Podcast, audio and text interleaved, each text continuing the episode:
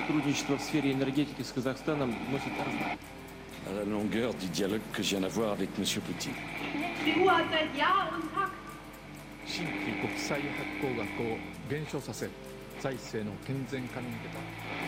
del fascismo en Sudamérica. मगर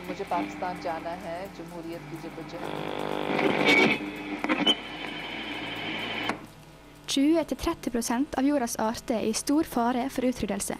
I noen afrikanske land kan avlingene bli redusert med 50% innen 2020, og 200 millioner afrikanere kan bli utsatt for vannmangel. Dette som en konsekvens av global oppvarming. Vi i utenriksmagasinet MIR har i forbindelse med klimatoppmøtet i Mexico valgt å se nærmere på klimaendringene og konsekvensene av dette. Klimaforhandlingene er nå altså i gang i Mexico. Forhåpningene er mange, men forventningene er lave etter det skuffende resultatet i København. Hva er egentlig det grunnleggende problemet her? Klimagreiene går jo egentlig på at vi i den vestlige verden misbruker for mye av jordens ressurser på for kort tid, kan du si, sant? mens andre land da ikke har kommet i gang med den prosessen. Klimaflyktninger har blitt et økende fenomen. Men hva er egentlig en klimaflyktning, og hvor stort er dette problemet? Du kan si at det er mennesker da som eventuelt flykter pga. Eh, naturkatastrofer som har med klimaendringer å gjøre. En konsekvens av klimaforandringene er at vannet stiger og øya forsvinner. Dagens spalte handler om den avsidesliggende øystaten Tuvalu, der innbyggerne begynner å kjenne klimaendringene på kroppen. The flooding is becoming more intense. Things are getting worse. Vi får også besøk av Jon Magnus Dahl fra Natur og Ungdom, som vi skal snakke med om klimatoppmøtet i Mexico. Og de som skal låse deg gjennom dagens sending, er Solveig Sæter og meg, Stina Lindholm. Men aller først så skal vi ha ukas sang her i Studentradioen i Bergen. Og det er The Famous eh, Biting Guy. Der hørte du ukas sang her i Studentradioen i Bergen, og det var The Famous Biting Guy med Why Can't You See. Du hører på utenriksmagasinet MIR, og i forbindelse med klimatoppmøtet i Mexico snakker vi i dag om klimaforandringer. Vi i MIR er jo opptatt av dagens problemstillinger, og klimaendringene blir bare mer og mer sentralt. Det er jo eh, definitivt et progressivt problem som vi ikke ser ut til å ha brydd oss nok om fram til nå. Al Gore mener vi trenger en ny heltegenerasjon, men som Jan Eggum så fint synger det, hvor er alle helter hen? Vi får håpe at alle heltene befinner seg i Mexico i disse dagene. Eh, FNs klimakonvensjon forplikter alle land til å hindre farlig menneskelig påvirkning på klimasystemet. Men å bli enige om hva farlig påvirkning er, og hvor mye utslippene må reduseres for å unngå dette, er ikke bare bare. Mange land, f.eks. Norge, har som mål å stoppe klimatemperaturendringer som går over to grader celsius i forhold til førindustriell tid. Dette fordi at eh, en eh, økning over dette vil ha en negativ effekt. Eh, Blant annet ser vi det ved at det blir vannmangel for eh, 600 millioner mennesker i Afrika og nesten 1 milliard mennesker i Asia. Matsikkerheten vil bli trua, og eh, utryddelsen av eh, plante- og dyrearter vil skyte fart. FNs klimapanel mener at for å kunne stabilisere andelen av klimagasser i atmosfæren på et nivå der temperaturen ikke stiger mer enn to grader, må de globale klimagassutslippene reduseres med mellom 50 til 85 um, da fra 2000-nivå til 2050. Men uh, hvordan skal verden egentlig kunne klare å bli enige om dette? Ja, En eh, måte vi har prøvd å løse dette her på, da, det er at eh, vi har starta med klimatoppmøte. Og nå er det jo i Mexico. Aslak Rødder har, satt, eh, har tatt en prat med Kurt Oddekalv, leder i Norges miljøvernforbund, om forventningene til dette møtet og utsiktene for fremtidens klimapolitikk. Allerede før murens fall, i 1988, en liten levetid siden, ble det enighet om at klimaendringer er et felles ansvar i FNs generalforsamling. Men siden da er det, kanskje med et unntak av ozonlagkrisen, blitt gjennomført lite internasjonalt samarbeid rundt klima. Et av høydepunktene har vært Kyoto-protokollen, men til og med denne har aldri klart å nå det nødvendige nivået den trengte. Med Kina og USA, de to største innenfor klimagassutslipp, utenfor protokollen og ingen mulighet for sanksjoner, har avtalen langt ifra klart å holde målene som ble skissert opp igjen. Til og med landene som har sagt seg villige til å følge Kyoto-protokollen svikter. Norge ligger med 9% utslipp over, mens EU ennå må senke utslippene med rundt 4% Når avtalen går ut neste år, er det usikkerhet om hva som skal binde verdens land til å senke klimagassutslippene deres. Klimatoppmøtet er det viktigste forumet for å finne internasjonal enighet i klimaspørsmål. Det var mye optimisme rundt klimatoppmøtet i Danmark på denne tiden av året i fjor. Men utfallet ble dessverre lite konkret.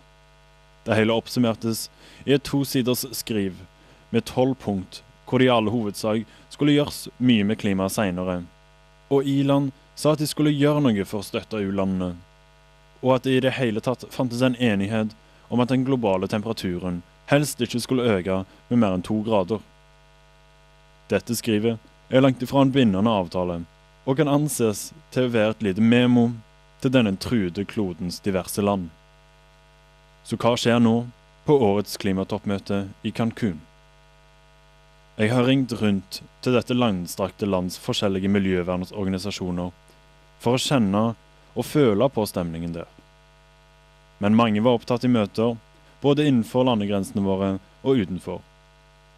Kurt Oddekalv derimot, leder av Norges miljøvernforbund, er villig til å kommentere situasjonen. Nei, For meg så ser det ut som hele klimatoppmøtet blir en stor skuffelse, og det meste av klimaarbeidet rir, rir, rir, si, rir ut i sanden, altså glir ut i sanden rett og slett. fordi at det, det, har nok vært for løst fundert, og man har nok vært for lite konkret uh, i greiene. Og Norge har gjort det de kunne for å skape forvirring med sitt klimakvotesystem. Uh, Statoil, Bellona sitt CO2-deponeringsproblem har på mange måter tilslørt hele debatten, sånn at det bare blitt en teknisk diskusjon hele greiene. Og jeg tror mange land er ganske fed up med dette her, fordi at de egentlig ønsker seg en diskusjon om hvordan kan vi redusere levestandard, hva kan vi gjøre for å begrense oss. Fordi at Klimagreiene går jo egentlig på at vi i den vestlige verden misbruker for mye av jordens ressurser på for kort tid, kan du si. sant? Mens andre land da ikke har kommet i gang med den prosessen. Og så har vi da delt ut kvoter til disse landene som vi da beherlig har kjøper tilbake, sånn vi kan fortsette akkurat på samme måte som vi holder på i dag. Og Det, det er veldig mange folk som at dette, forstår at dette egentlig er bare svindel. altså. Så uh, resultatet kommer mest sannsynlig til å bli som uh, i uh, fjor? Ja, jeg er styggelig redd for det. fordi at Du kan si at Jens reiser rundt og selger noe som ikke finnes. Og, og, han har med seg forskjellige andre våpendrager som kjører på samme løp. Og jeg må si at jeg har jo, jeg har jo med min beskjedne 27 års erfaring så har jeg ingen tro på klimakvoter, jeg har ingen tro på CO2-deponering. Jeg har ei, heller noe tro på rensing av gasskraftverk, mens kullkraftverkene pumper så bare juling. Sånn at så lenge man ikke er villig til å diskutere på litt mer jordnær nivå og forstå at, også, eh, at det å, gi kvoter til land som ikke griser, og, og, kjøpe de tilbake igjen, det er jo stå, bare en opprettholdelse av status quo, kan du si. sant? Sånn at jeg, eh, jeg forventer ikke noen sånn voldsomme resultater som som vil gi noe effekt ut av dette. Og Norge har ikke noe spesielt troverdighet i dette, i og med at vi er så tunge som vi er på olje. I tillegg så kjører vi på for at vi skal bygge nye vi skal liksom uh, ny energiutbygging for at vi skal liksom redde miljøet. Det er helt latterlig. Vi har mer enn nok vannkraft, og samtidig skal vi lage mer vindmøller som igjen kommer topper vannkraften, så vi får enda mer å sløse bort. Og jeg syns jo at uh, måten som Norge har håndtert denne saken på, er utrolig skadelig for hele klimapakken. Og jeg syns det er skadelig for, for Norge som nasjon også. Så i eh, fremtiden, eh, hvilken type framtid er det vi ser på når det kommer til internasjonalt samarbeid om, i, innenfor klima? Nei, Jeg tror jo rett og slett at man må på mange måter spare grøften opp på ny og så begynne på en ny måte, hvor man rett og slett ikke kan kjøpe seg fri fra dette med disse såkalte klimakvotene og, og den svindelen som, som, som, har holdt på, i, holdt på, der i noen år. kan du si. Sant? Og jeg tror jo at man må inn på å se på reduksjon. Jeg, hvor mye får vi lov å kjøre, hvor mye skal vi sånn og hvor mye skal vi sånn. For det, det er ingen tvil om at det levesettet vårt som ødelegger jorden, det er ikke, ikke fattige, land i, fattige land i Afrika hvor alle går og alle sykler. Altså, det er de landene som bruker bil og, og som forbrenner olje og, og kull som, som, er på mange måter problemstilling. Og det viktigste i klimadebatten som ikke oppe i det hele tatt, det er jo hvor mange mennesker vi er. Vi er, ca. 3 milliarder for mange mennesker på jorden. og det, det er på mange måter det viktigste klimaspørsmålet. Det er det ingen som tør å snakke om. Mens jeg svært gjerne vil ha inn i diskusjonen hvor mange mennesker har vi plass til. Hva er bærekraftsnivået for forskjellige land? Det er jo det jeg ville gjort når jeg, når jeg skulle reise til København, men ikke, ikke hadde råd å reise med dronningen. Så var det jo det som var hovedfokuset vårt, var å få, få vrengt fokuset litt over på, på den siden der, da, hvis, du skjønner, hvis du skjønner hva jeg mener. Men er det så mye å gjøre med det, da? Selvfølgelig, Vi må begynne å diskutere hvordan skal vi begrense, hvordan skal vi begrense framveksten av nye generasjoner. Hvordan skal vi, hvordan skal vi begrense hvor mange mennesker kan det, kan det bli? Hvor mange, hvor mange, har en nasjon plass til? Hvor mange har en nasjon bærekraft til? Det er det viktigste bærekraftspørsmålet i verden. og Det er ingen som tør å diskutere det. Det er ikke bare Oddekalv som er negativ til årets klimatoppmøte. Siv Jensen tror det blir et stort mageplask. Og Stoltenberg ser sjøl mørkt på utsiktene. Så kanskje min kollega Fredrik Sagafoss sin spådom fra de tidligere januarsmånedene dette samme året blir sanne. At vi får høre mye prat om at vi skal gjøre det som er nødvendig, men kommer til å se lite handling. Der hørte vi Aslak Rødder snakke om forventningene til klimatoppmøtet i Mexico. I studio har vi nå fått besøk av Jon Magnus Dahl, leder i studentlaget til Natur og Ungdom i Bergen. Han er her for å diskutere litt om klimapolitikken. Velkommen til deg. Takk for det. Det er jo ett år siden klimatoppmøtet i København var, og mange var veldig skuffa over resultatet. Eh, tror du, eller Har det vært noen forbedringer siden i fjor? Det har ikke vært noen spesielle forhandlinger siden i fjor, så forbedringene har det strengt tatt ikke vært. Det har vært litt Når det gjelder utslippstall, har det vært litt varierende. Enkelte land har gått ned, som antagelig som følge av finanskrisa, mens enkelte har igjen gått opp. Så nei, det har ikke vært noen forbedringer siden i fjor. Nei, eh, som Aslak eh, snakket om på sitt innslag, er jo nå diskusjonen i gang i Mexico. Tror du det er noe sannsynlig at viljen eh, blir større til å inngå internasjonale, internasjonale bindende avtaler? Jeg er redd for at den egentlig ikke har blitt større. Det ser litt uh, ut for et resultat av uh, dette møtet. Der ja, både Kina og uh, USA har låst seg. Det er spesielt ganske stort press på Obama fra det politiske livet i USA, så det ser ikke så veldig Forventningene er ganske lave. Hva er de viktigste tiltakene det bør lages bindende avtaler om? Det viktigste tiltaket er at det blir konkrete klimagassreduksjoner hos se de rike landene. Det bør være 40% i tilnærmet alle vestlige industrialiserte land, altså kutt på hjemmebasis. I tillegg så må det stoppes avskoging, særskilt av regnskogen. Pluss at det nå er tid for å diskutere konkrete tiltak, i og med at klimaendringene som er farlige og urettferdige og allerede i gang, det er for seint å stoppe det helt, så en må iverksette konkrete tiltak for å bedre på konsekvensene av klimaendringer. Sånn som jeg har forstått det, så er regnskogen ganske masse i fokus i år. Um, og vi i MYR syns jo at dette her kanskje er litt sært. Fordi at um, regnskogen, ja selvfølgelig det er viktig for å binde opp sånn deler av CO2.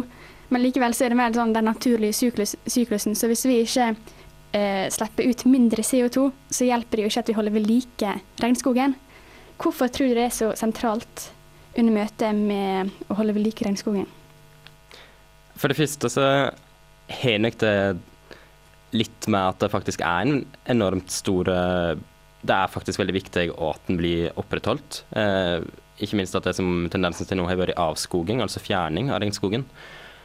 Men på den andre sida er jeg redd for at det er en litt enkel måte for eh, vestlige land å komme unna å ta klimaforpliktelser på heimbane. Vi ser Stoltenberg som eh, nærmest kaster, eller iallfall har gjort inntrykk av at han kaster penger etter, eh, til Brasil for å redde Amazonasjungelen. Og eh, det kan ofte være litt kontroll med pengene. Norge har ingen juridisk måte å følge opp at de blir brukt slik de skal, er meint å bli brukt. og en kan si at det kanskje er vestlige land som ønsker å kjøpe seg bedre samvittighet og ikke ta kutt i heimelandet. Men samtidig er det veldig viktig at regnskogen blir bevart og avskoginga stopper. Du snakket jo eh, litt her om Norges rolle, men kanskje de to største landene, eh, i hvert fall de som slipper ut mest klimagasser, er jo Kina og USA. Eh, og et stort problem har vært at de har vært liksom fastlåst i en sånn deadlock-posisjon hvor de ikke vil samarbeide. Tror du at uh, hva, hva, skal til for at, for at kan, de kan få til en avtale? Det er ganske vanskelig å svare på. Um, det er et sånn fint diplomatisk spill, men uh, jeg tror at i det ene av de landene løsner, så vil det kanskje komme til at det andre landet vil følge med. USA har at Obama som sagt har et ganske hardt press på seg hjemme å, å forsvare amerikansk industri, da, så han vil neppe ha særlig stor eh, tillit bak seg for å gjennomføre en klimaavtale. Samtidig så tror jeg det er litt avhengig av de andre eh, Kanskje de store u-landene. At eh, store handelspartnere som Brasil og India, kanskje spesielt India, som er veldig viktig for både Kina og USA, kan fungere som liksom, presser på viser vilje. Så jeg tror egentlig det er hos de voksende u-landa at den nøkkelen ligger. Det er jo eh, ganske masse usikkerhet rundt eh, eh, Kyoto-protokollen. Om, eh, for han må jo fornyes innen 2012 hvis han skal fortsette. Men både mange politikere og miljøaktivister tror ikke dette kommer til å skje. Hva, hva blir resultatet hvis de ikke får fornya denne her? Ja, eh, det er viktig. Det må jo være en bindende avtale som forplikter eh, til konkrete utslippskutt. Og det vil jeg føre til hvis det ikke ligger en slik avtale på plass, så vil vi ikke ha et internasjonalt rammeverk som sikrer at vi åpner togradersmålet, altså at global oppvarming ikke skal overstige to grader. Og det vil jeg føre til at konsekvensene av klimaendringene kan bli virkelig voldsomme. Det vil føre til tørke i allerede tørre områder og flom, stor havstigning. Så det jeg, kan jeg rett og slett i verste fall føre til et helt frislipp av klimaendringene. Du jobber jo i eh, Natur og Ungdom. Eh, hvor viktig tror du rollen eller hvor stor påvirkningskraft har internasjonale eh, organisasjoner, f.eks. Natur og Ungdom? Jeg tror at eh, det er rett og slett med en veldig viktig dagsordensettende funksjon. Vi lar politikerne vite at eh, det finnes folk som bryr seg om miljøsakene, og fører fram miljøet sin stemme overfor politikere og verdens ledere. Eh, En så jeg veldig tydelig i København at eh, det var stor kraft i media, at var, vi fikk stort gjennomslag i media. Vi fikk, om vi ikke kom inn på selve forhandlingene, var det iallfall viste at dette engasjementet fins hos verdens befolkning. Så det, jeg tror det er en stor kraft på den måten. Var du fristet til å reise ned til Mexico og ha noen protestaksjoner der nede òg? ja, jeg hadde egentlig Jeg tenkte faktisk egentlig helt konkret å reise til Mexico, men det ble litt vanskelig å gjennomføre, dessverre. Jeg skulle inn og være der. Så har vi et eh, siste spørsmål. Hva mener du at enkeltpersoner kan gjøre for å bidra til bedring av klimaet? Ja, det er jo selvsagt um, de klassiske tinga. Bruke mindre energi, altså spare strøm. Og uh, la bilen stå. Og uh, ja, det er rett og slett å gjøre en slik enkel miljøinnsats i hverdagen. Klippe færre forbruksartikler, miljømerker. Rett og slett at senke sitt eget forbruk av uh, energi og materielle ressurser. Da sier vi takk til deg, Jon Magnus Dale fra Natur og Ungdom her i Bergen. Og jeg så akkurat en reklamefilm som vant en pris i USA. Eh, I denne reklamen så fokuserer de på at klimagassutslippene til USA eh, tilsvarer altså 1,2 billioner med elefanter som faller ned fra himmelen og ned på jorda. Eh, I vår neste sang her i Utenriksmagasinet Myr er det ikke elefanter som deler, men det er menn som regner ned fra himmelen. Der hørte vi altså It's Raining Man med Gary Hallowell. Ja, og Før sangen hadde vi besøk av Jon Magnus Dahl eh, fra Natur og Ungdom her i Bergen. Eh, og hvor han bl.a. snakket om hva enkeltpersoner kan gjøre for klimaendringene. Og egentlig så sa han jo ikke så veldig mye mer enn det vi har hørt før. Det går i å sykle eller gå i stedet for å kjøre bil eller sortere søppel. Ja, og Gandhi sa jo som kjent 'be the change you want to see in the world'. Um, selv om det er uklart eh, hvor mye det betyr om en sorterer søppel eller går istedenfor å, for å kjøre bil, så er det jo klart at hvis alle hadde vært litt mer miljøbevisste, hadde vi kanskje sett en lysere fremtid. Hva tror du, Solveig? Jeg personlig syns at eh, noen ganger kan det være litt vanskelig å relatere seg til eh, klimaendringene, da jeg i min eh, hverdag ser så lite til dem. Og det kan eh, være lett å tenke på at eh, det ikke spiller noen rolle om jeg sorterer eller ikke. Det er jo størst fokus på fremtida. Både de typiske Armageddon-filmene og eh, spådommer om eh, hvordan verden ser ut om eh, si 50 år. Men det finnes mennesker på andre sida av verden, og nærmere enn vi tror, som kjenner på klimaendringene hver eneste dag.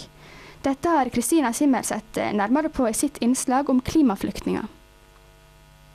Vi sitter i stua og dytter vedkubbe på vedkubbe inn i ovnen. Kulden biter, og det er ikke snakk om at vi skal gå til jobb, tenker vi inni oss og ler mens vi setter oss i bilen. Innbyggerne i Bergen forurenser. og konsekvensene av våre handlinger blir først synlige når de lokale avisene trykker opp førstesider som anbefaler oss å bli inne. Luften er ikke lenger sunn å puste inn. Ja ja, vi får vel holde oss inne, da. Det er jo bare deilig, det. På andre sida av kloden sitter en familie og sulter. Åkeren, deres livsgrunnlag har tørka ut, og de blir tvunget til å flytte. Mennesker forurenser, og trusselen om global oppvarming har blitt en realitet. Overalt i verden merker vi klimatiske endringer. Om de er forårsaka av mennesker alene, er et standpunkt hver og en av oss kan ta stilling til på ulike måter. Men et faktum er klart. Klimaet forandres stadig, og det driver mennesker på flukt. Ordet klimaflyktning er et relativt nytt begrep, og jeg har fått hjelp av Vikram Kolmannskog, tidligere juridisk rådgiver i Flyktninghjelpen og selvstendig rådgiver, til å definere hva en klimaflyktning er. Altså Begrepet er problematisk um, fordi det antyder at det er en veldig enkel kobling mellom klimaendringer og at en person må flykte. Så før jeg på en måte kommer inn på hva det eventuelt er, så tror jeg nesten jeg må problematisere det litt. Uh, fordi det er ikke noen direkte kobling mellom klimaendringer og flukt. Det som skjer, er at klimaendringer fører til en um, økning i antallet omfang av naturkatastrofer. Uh, både, det kan øke både ja, omfang og antall, men også endre for så vidt uh, hvor naturkatastrofen inntreffer, og når de inntreffer. Og det er gjennom disse naturkatastrofene eventuelt at mennesker må flykte. Så du kan si at det er mennesker da som eventuelt flykter pga. Uh, naturkatastrofer som har med klimaendringer å gjøre. Endringen i vår globale klima er en realitet. Mennesker mister sine levebrød, og flere blir tvunget til å flytte fra sine hjem når nøden blir for stor. Matmangel og vannmangel er sentrale faktorer. Det som er oppsiktsvekkende i denne sammenhengen, er mennesker som drives på flukt nettopp pga. klimaendringer. Antall flyktninger som følge av klimaendringer er i dag større enn flyktninger på følge av krig og politiske konflikter til sammen. Ifølge FN er det per i dag ca. 50 millioner mennesker på flukt som følge av klimaendringer. Tallet antas å stige til over 150 millioner ved 2050. Ansvaret for disse menneskene blir gjerne dytta videre til land som Kina og USA, da disse står for størsteparten av utslippene. Men ser vi på utslipp per innbygger, svinger Norge seg i toppene på tabeller. Fordelen med utslippene vårt land står bak, produserer hver innbygger rundt 20 tonn klimagasser. Dette er svært mye sammenlignet med resten av verden. Norge må, uh, må støtte humanitært arbeid ute i, i, forskjellige land. Fordi de fleste er jo på flukt uh, i da, utviklingsland og i sør. Og de flykter som regel internt i sitt eget land, eller kanskje til nabolandet. Um, og Da er det viktig å, å bedre den beskyttelsen av de internt fordrevne gjennom å styrke rettighetene deres, gjennom å øke ressursene til arbeidet med dem, og støtte um, også en avklaring av hvem det er som skal ha ansvar for dem. fordi selv om man har et um, rammeverk for internt fordrevnes rettigheter, så er det veldig utydelig hvem, altså hvilken FN-organisasjon som skal ta hovedansvaret for mennesker som er på flukt i sitt eget land pga. naturkatastrofer. Der må også Norge være med å avklare det og støtte beskyttelsen av disse menneskene på flukt i sitt eget land. De er jo spesielt utsatte. I forhold til de som flykter over en grense, tenker jeg at Norge har et ansvar um, i å gi beskyttelse, også til de som har behov for beskyttelse, men faller utenfor flyktningdefinisjonen da. Da kan man se til Finland. Finland har en, har en um, paragraf i sin utlendingslov som gir beskyttelse til de menneskene som ikke kan returneres pga. naturkatastrofer. Dette er jo noe man også kan gjøre i Norge. Videre så bør man selvfølgelig ta opp dette regionalt og internasjonalt, fordi de aller fleste som er på flukt, kommer jo selvfølgelig aldri helt til Norge. Når menneskeliv står på spill, må klimatrusselen tas på alvor. Det er nemlig svært mye mer bak global oppvarming enn isbjørner som flyter rundt på isflak. Viseadmiral for den amerikanske marinen, Lee F. Gunn, sa følgende Addressing the climate changes in the Earth's climate is not simply about saving polar bears and preserving the beauty of mountain glaciers. Climate change is a threat to our national security. En trussel for nasjonal sikkerhet. Det er dermed viktig at verdens ledere går sammen og lager en avtale som kan sikre vår neste generasjons fremtid. En avtale som kan spare millioner av liv om den bare opprettholdes. I disse dager er det klimakonferanse i Cancún, Mexico. Informasjonskonsulent i FN, Kai Grieg, snakker om viktigheten av en enighet i Cancún. Ja, Det er veldig viktig. fordi at uh, Alle landene må jo gå sammen om det. felles mål og en felles handlingsplan. Men uh, status i dag er jo at det, de færreste tror jo at det vil bli en bedre avtale der enn det det ble i København. mye pga. at USA, pga. at valget de har hatt der, ikke kan vedta en så ikke kan vedta internasjonale forpliktelser. Den andre grunnen er jo at Kina har sin egen agenda og ikke umiddelbart vil være med på en avtale om å redusere utslippene i forhold til land. Men, så sier du, eh, men, men det positive er jo at det skjer ting i andre grupper enn FN. Eh, I G20, EU og så andre regionale grupper som tar et tak og reduserer sine egne utslipp. Og man kan komme i en situasjon der hvor det blir en slags konkurranse mellom ulike regionale grupper om å redusere utslippene. Det, det kan komme mer ut av det enn de kommer av i, i offisielle forhandlinger i FN. Hvis verdens land ikke klarer å komme til en enighet som fører til mindre utslipp i de enkelte landene, står vi overfor enorme konsekvenser i de kommende århundre, om ikke tiår. En av konsekvensene ifølge FNs klimarapport er at halvparten av Afrikas matproduksjon kan forsvinne som følger av uttørking. Vikram Kolmanskog har selv vært nede i Afrika og sett konsekvenser av uttørkingen. Ja, jeg, har, um, jeg, var på en feltreise til Somalia og Kenya og Burundi i fjor sommer. For de menneskene i Burundi um, så er det klart at når tørken kommer, så Eh, blir jorda mindre produktiv, og veldig mange er bønder i, i, i Burundi. Eh, da blir det mer konflikt mellom familiemedlemmer. Brødre kommer i konflikt, og det blir ofte voldelig konflikt. Eh, og men, noen mennesker må flytte fra området. Ofte så flytter kanskje mannen først og lar kona og barna være igjen, og mannen prøver å finne jobb et annet sted. Og da er det klart at det er kona og barna spesielt utsatte for overgrep fra andre igjen. Det var også noen tilfeller hvor både mannen og kona hadde måttet forlate barna. Uh, hvor barna hadde blitt værende igjen da, og blitt passet på av naboer. For at de skulle kunne få seg et annet levebrød pga. tørken. Uh, og de anerkjennes jo ikke nødvendigvis som flyktninger. De har en veldig vanskelig situasjon. De får ikke nødvendigvis veldig mye støtte. Uh, men det finnes også tilfeller hvor folk ikke kan flykte noe særlig. Jeg møtte også, par, jeg møtte også en kvinne som som eh, Hun hadde ikke noen ressurser til å flykte. Hun hadde vært flyktning allerede og hadde nå returnert hjem. Men fordi eh, kvinner ikke får lov til å arve jord i Burundi, så var hun helt jordløs og hadde ingen eiendeler. Arbeidet på markedet for andre der, og hun hadde to barn. Og som hun sa til meg, hun bodde i et lite skur da, med et plastikk, eh, en sånn presenning som tak. Og hun sa jo at uh, hun er jo spesielt utsatt for vær og vind. Storm, stormer og når det er flommer og tørke, så er det klart at det, det lille skuret er jo veldig utsatt. Men hvor skal jeg reise, sa hun.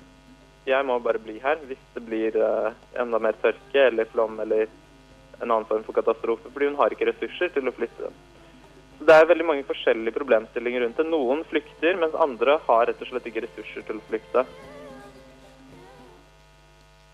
Det handler om å ta vare på medmennesker.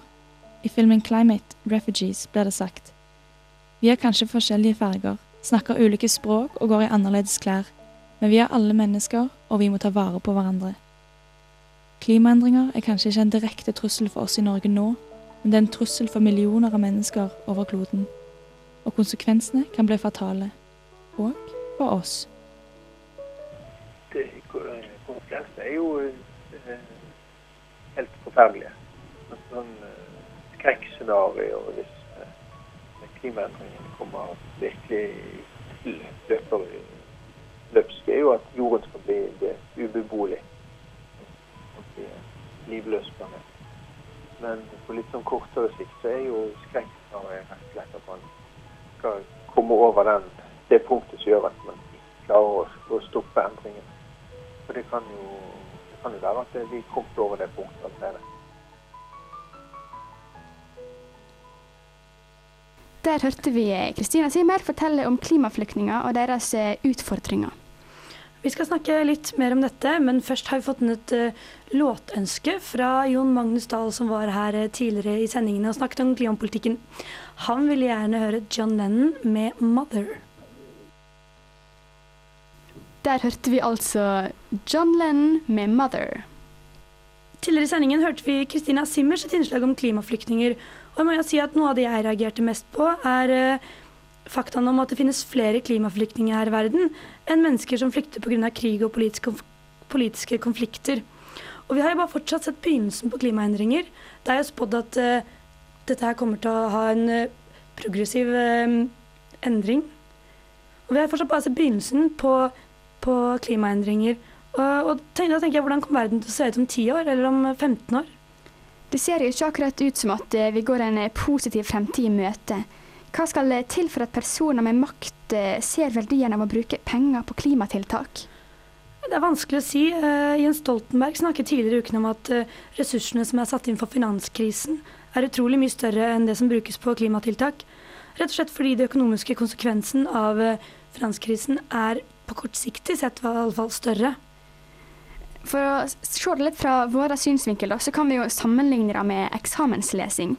For da er det jo selvfølgelig når det, det nærmer seg at uh, vi først begynner å jobbe, det er da det er absolutt nødvendig. Selv om resultatet hadde vært betraktelig bedre om uh, vi hadde begynt tidligere. Ja, det spørs om uh, dette er noe som funker i den ordentlige verden, og spesielt vi skal ha en bærekraftig utvikling. Um, det største problemet i dag er jo at det ikke er økonomisk lønnsomt for de fleste store bedrifter å drive klimavennlig. Mange utviklingsland argumenterer jo for at uh, de skal få lov til å øke sine utslipp i åra som kommer, fordi vestlige land under sin industrialiseringsprosess ikke tok uh, klimahensyn. De mener at uh, den økonomiske utviklinga vil være masse vanskeligere under en streng klimapolitikk. Ja, jeg kan jo for så vidt se det synspunktet der. Er det rettferdig at de vestlige landene, som faktisk står for den største andelen av klimautslippene, nå skal sette begrensninger for andre land? Samtidig må jo noe bli gjort. Hvis vi ikke stopper miljøforandringene, vil tallet på flyktninger øke kraftig. Et konkret eksempel på dette er jo de lavereliggende øyene i verden, hvor innbyggerne vil få store problemer om havnivået stiger med bare noen få centimeter. Vår medarbeider Åsgeir Kjetland Rabben har en spalte om avskjedsliggende steder, og i denne uken har han valgt å se på øystaten Tuvalu i Stillehavet. Utrygt plassert ca. 3000 km nordøst for Australia.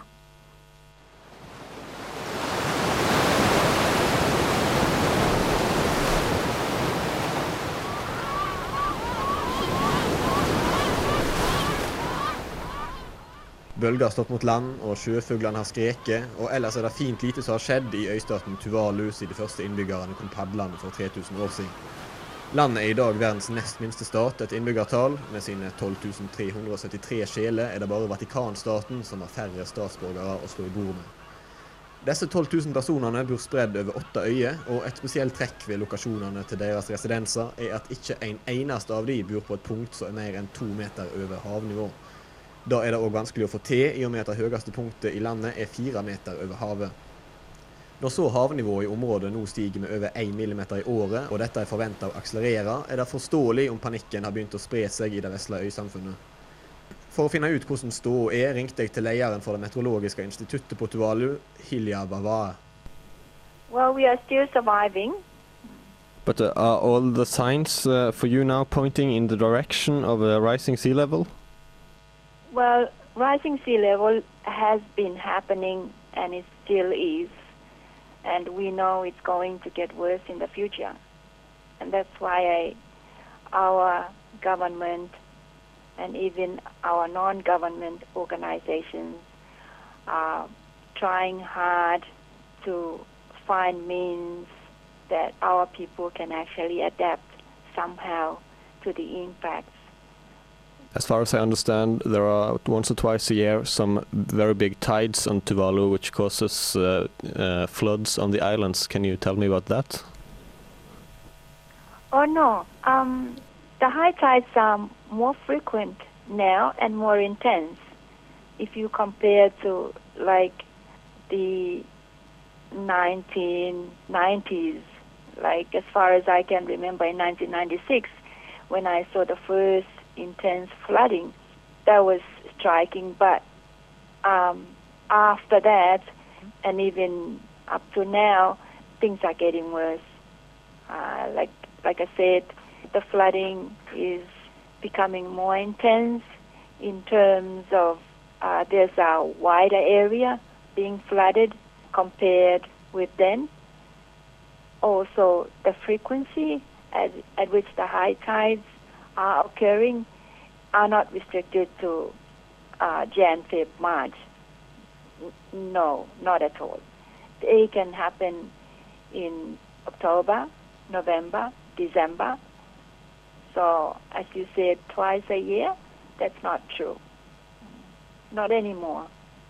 Maybe that was true in the 1980s and the 1970s, but not now. And how big damage do those floods make?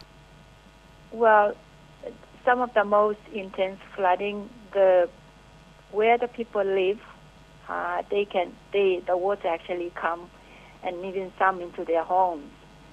So people have to do things to their homes uh, to stop the water coming in. Around the homes where they are flooding, and in areas where there is uh, flooding, people will have to raise their they got uh, plants which are eatable. They have to actually uh, raise it up because otherwise they will actually die. So people are trying to adapt, and as I said, uh, it's happening. But uh, for how long can people adapt if the water keeps rising? Um, well, as, as I said, your question is very broad, so I don't think a call will actually be a proper communication. I think the only thing that we need to do is actually have help, uh, you know, have some means of resources that could actually help our people. Probably have uh, some more land, like man-made, added on top, so we can keep our, you know, ourselves above the water and uh, survive. But like you said, with regard to the time frame, it's very unknown. Mm. But uh, is this something people are afraid of uh, or are talking about in their well, day? you have to come down and ask the people. I can't speak for the people. Sorry, I've got work to do. Sjefsmeteorolog Hilja Wawa kan ikke uttale seg på vegne av de 12 000 innbyggerne, men det ser altså uansett ikke spesielt lyst ut for Tuvalu.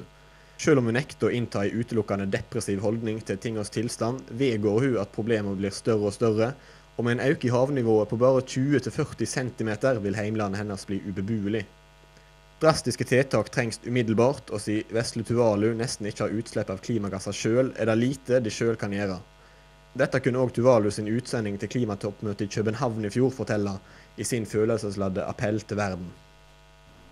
I woke this morning and I was crying, and that's not easy for a grown man to admit.